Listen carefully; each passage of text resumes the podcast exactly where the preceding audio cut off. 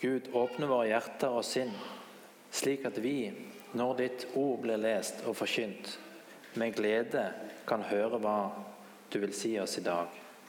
Gud, vi ber. Amen. Først så tar jeg det salme 32 av David, en læresalme.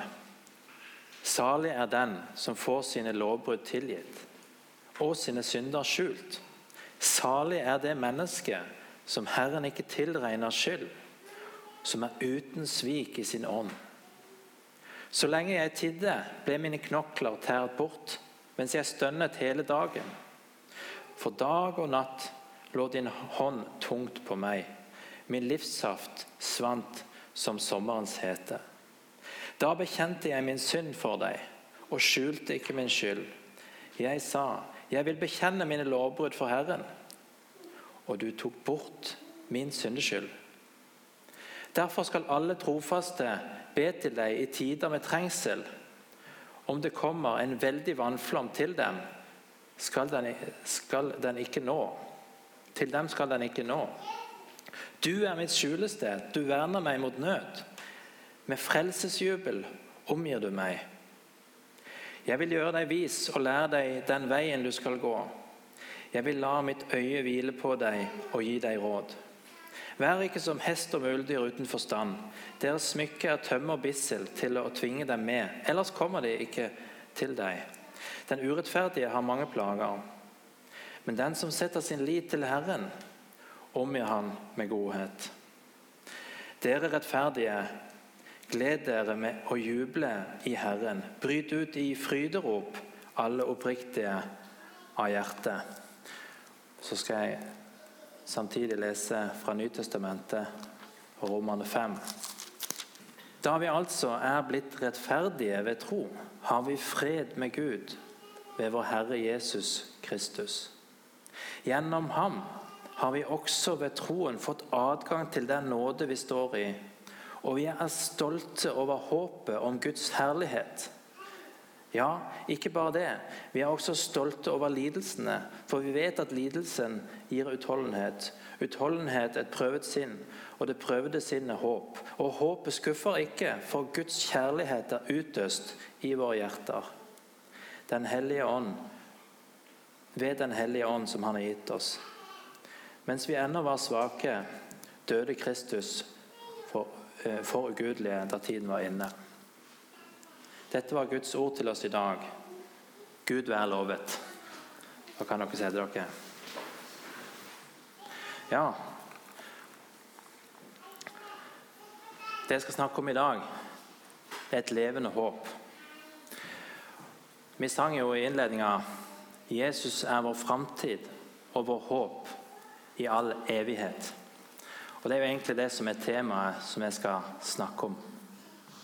Og Jeg skal tale ut fra 1. Peters brev 1, 3-7.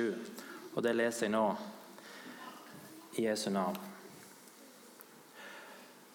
Lovet være Gud, vår Herre Jesu Kristi Far, Han som i sin rike miskunn har født oss på ny til et levende håp ved Jesu Kristi oppstandelse fra de døde. Til en arv som aldri forgår aldri skitnes til og aldri visner.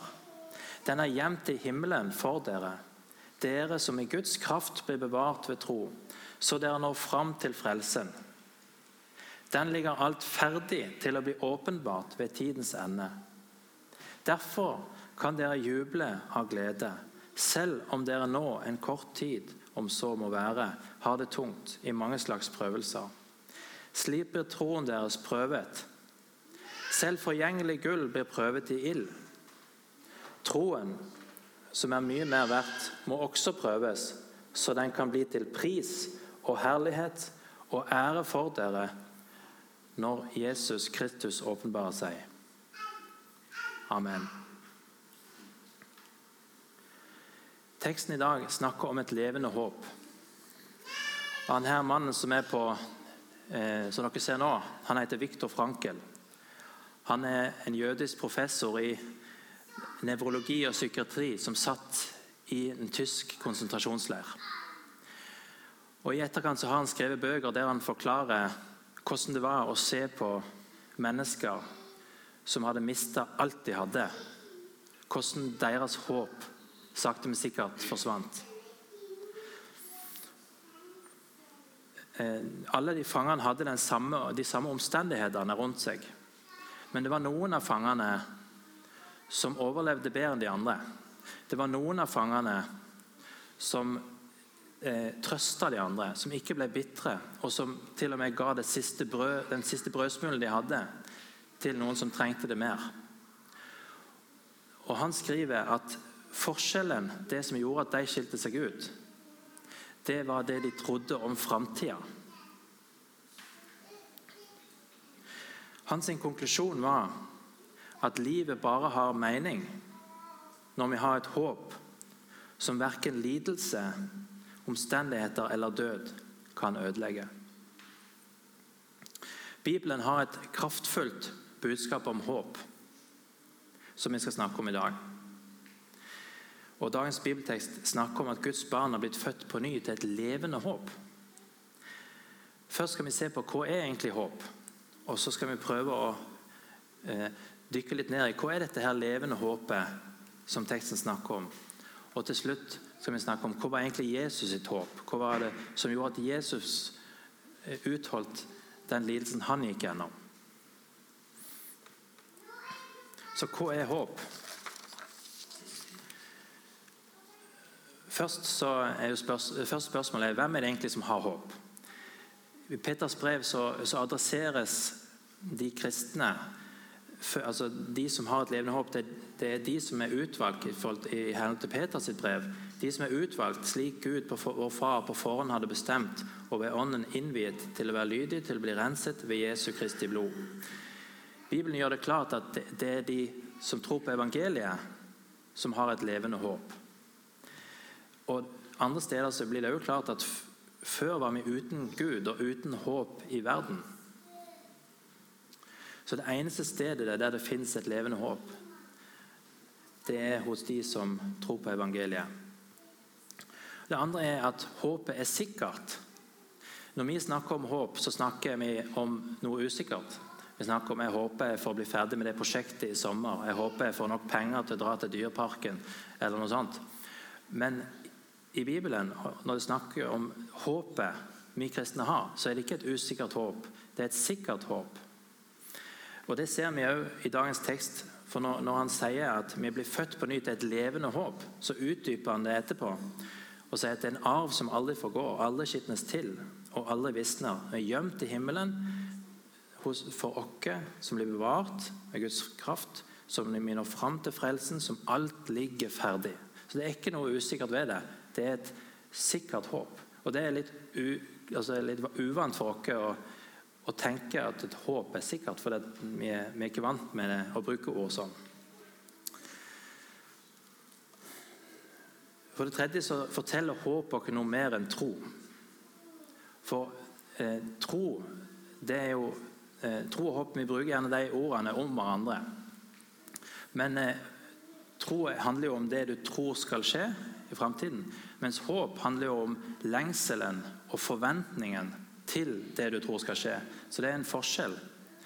Og ofte, altså Da kan vi stille oss selv spørsmålet hva er det egentlig vi gleder dere over og gleder dere til? Har du, sånn som Viktor Frankel snakket om, et håp som verken lidelse, omstendigheter eller død kan ødelegge? Gir livet oss som kristne glede, fred og forventning i hverdagen. I perioder så kan vi, iallfall jeg, føle oss likegyldige til Gud. For meg så er det ofte i perioder der jeg ikke bruker så mye tid sammen med Han. Ikke bruker så mye tid med Bibelen. Og da mister jeg blikket på det håpet som ligger der framme. Og Derfor så blir hverdagen tung. At, og Da mister jeg troen på framtida. Derfor trenger vi på nytt å få se hva som ligger der framme. For at vi kan få tilbake gleden og freden som, som ligger i dette budskapet. Så er det sånn at eh, håpet det kommer ikke fra omstendighetene vi ser. Eh, når vi ser rundt dere i kirka, så kan mye se håpløst ut. Men når det er snakk om håp, så er det ikke omstendighetene vi skal se etter. Men om vi tror at Han som har gitt løftene, er i stand til å gjennomføre det. Hvis vi venter på de riktige omstendighetene til de skal komme, så stopper alt opp. Vi får ikke håp ut ifra det vi ser. Men vi, eh, ja, vi venter ikke på perfekte forhold, men vi ser til Gud i situasjoner som ser umulige ut. Og Bibelen er full av eksempler på det. Israelsfolket ble jaga av egypterne sin hær gjennom ørkenen, men Gud redda dem med å splitte havet. Gud stengte gapet på løva, sånn at Daniel ble frelst eller redda. Og Abraham trodde Gud, selv om det var ingenting som skulle tilsi at han kunne bli far. Eh, og Det som er fellesfaktoren, er at han var overbevist om at det Gud hadde lovt, det hadde han òg makt til å gjøre. Håpet det er det første som forsvinner i en menighet som dør ut. Men hvis det er håp, så vil det òg være innsats, hengivenhet, og ting vil skje. Når Gud gir håp til sitt folk, så er det et tegn som tyder på at Gud er i ferd med å velsigne en menighet.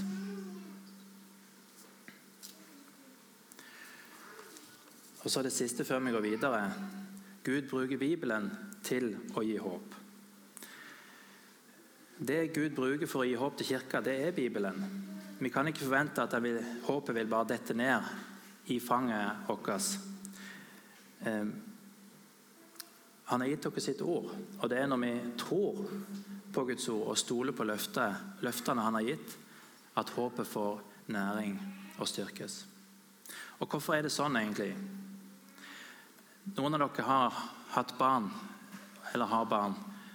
Ehm, jeg har, eh, og har opplevd at barn, et, et av deres barn har kommet til dere med armene opp og sagt 'Komma'. Det har iallfall jeg en toåring hjemme som sier. Kan jeg komme til deg? Kan du trøste meg?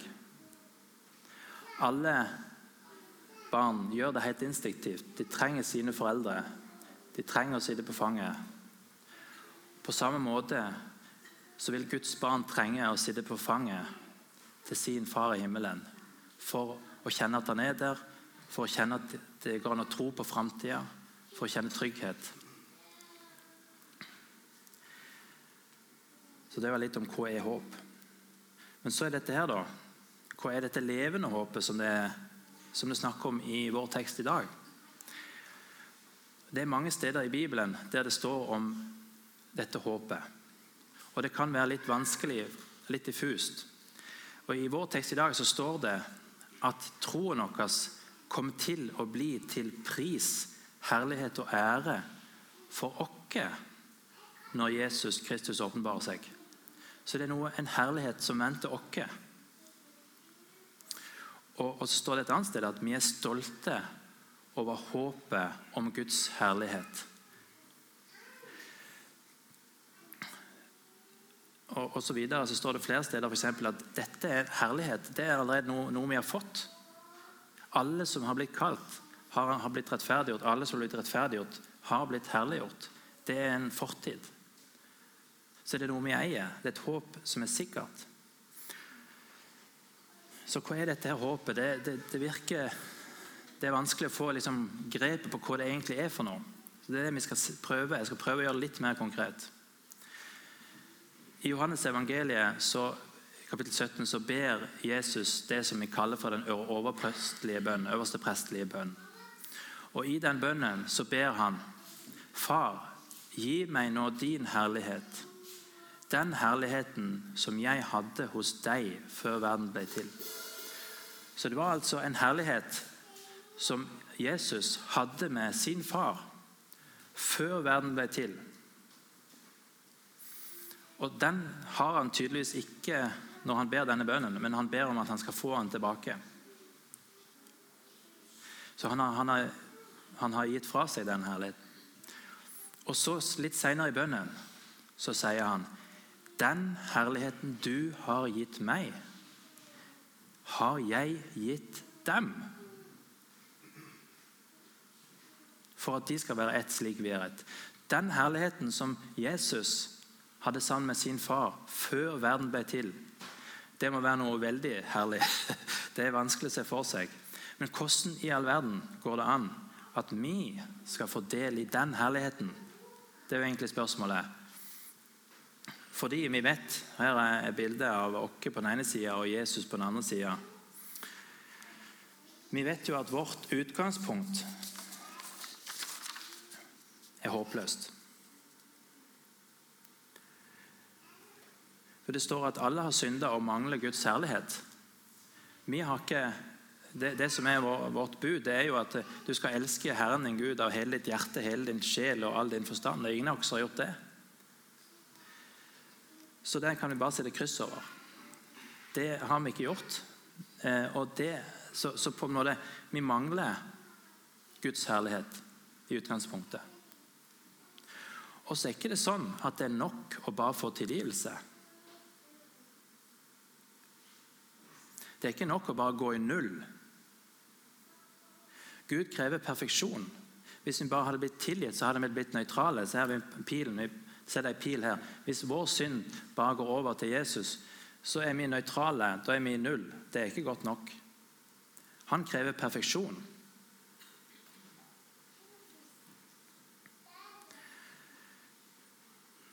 Det er ikke nok at Gud sier bare du er tilgitt, du får gå fri, som om vi var i et fengsel og slapp ut.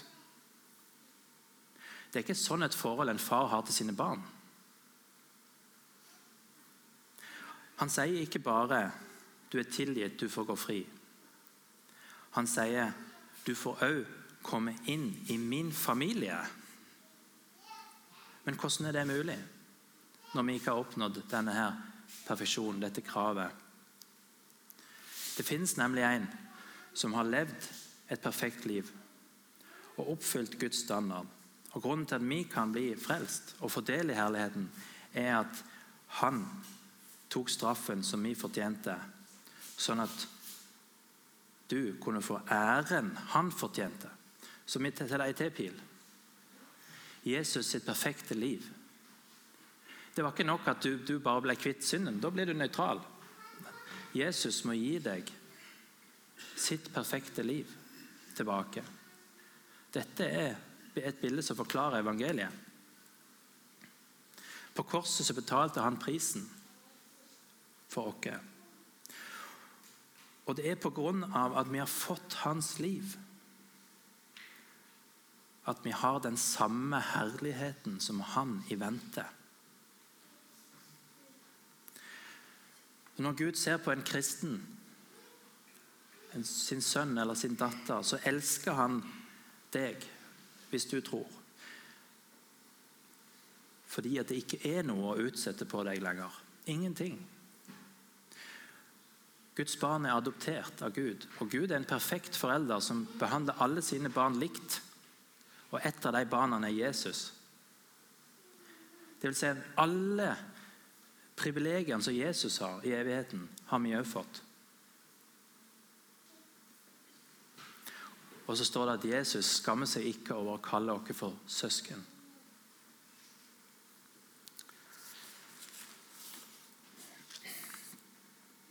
Derfor så kan vi bli Guds barn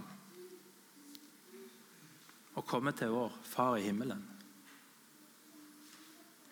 Og bli del av Guds familie. Derfor sier teksten i dag at troen vår skal bli til pris, herlighet og ære for oss når Jesus åpenbarer seg. Så han, han, fikk den behandlingen vi fortjente, for at vi kunne få den behandlingen han fortjente. Og for at det skulle være mulig, så måtte han bli gjort til synd for oss.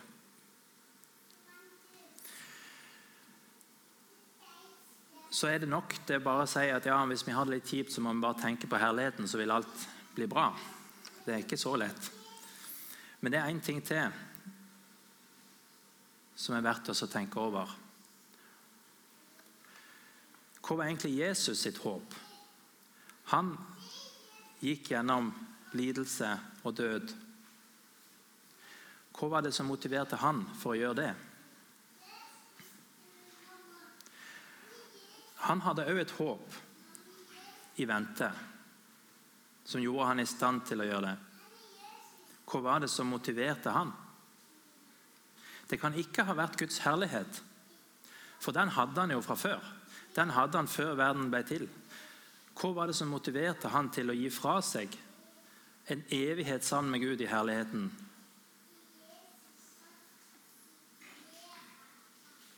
Svaret er at han holdt ut korset for oss.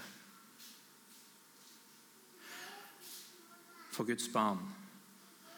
På grunn av sin kjærlighet til oss holdt han ut smerten på grunn av håpet om å få være sammen med oss for alltid i herligheten.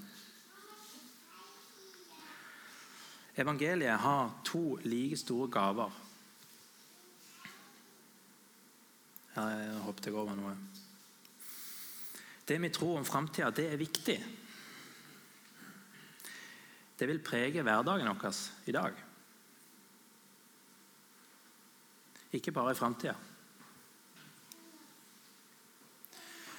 Og Mange tider så vil vi trenge å sette dere på Jesus eller på Gud sitt fang og være sammen med ham og høre det ordet det Skriften sier, for å kunne få ut de tingene som er vanskelig, og kunne fortelle han hva som er vanskelig, og bli fylt igjen med glede, fred og et levende håp. Håpet om å endelig få bli gjort del av Guds familie fullt ut når Jesus kommer tilbake. Evangeliet har to like store gaver. Den ene er jo at all vår synd kan bli tilegnet Jesus. Det er den ene tingen, og den snakker vi om mye i kirka. Den andre gaven er minst like utrolig. Det er at vi får lov til å bli behandla sånn som han fortjente å bli behandla. Vi får lov til å bli, få det han fortjener. Når Jesus kommer tilbake, så vil troen bli til pris, herlighet og ære for alle Guds barn. Og I møte med livets sine vanskelige omgivelser så kan vi huske på at Jesus gikk gjennom sin lidelse og død ved håpet om å få være sammen med oss for alltid i herligheten. Han ga fra seg den herligheten sammen med sin far for å kunne være sammen med oss. Dette er et håp som du kan ta imot i dag, eller som vi kan dedikere oss på nytt til så Før jeg avslutter, så vil jeg invitere dere til å, at vi skal si ut en trosbekjennelse sammen som respons. Um, vi kan i dag ta imot Jesus sitt perfekte liv i bytte for et ødelagt liv, og det er vårt. Det er det beste byttet det går an å gjøre. Hvis det er noen som vil snakke om dette, så blir jeg litt igjen etter gudstjenesten. Ok, vi, Hvis dere vil, kan dere reise dere mens vi sier vår uh, trosbekjennelse. Det er kanskje litt vanskelig, litt lite. Det går kanskje greit. Jeg tror på Gud Fader, den allmektige, himmelens og jordens skaper.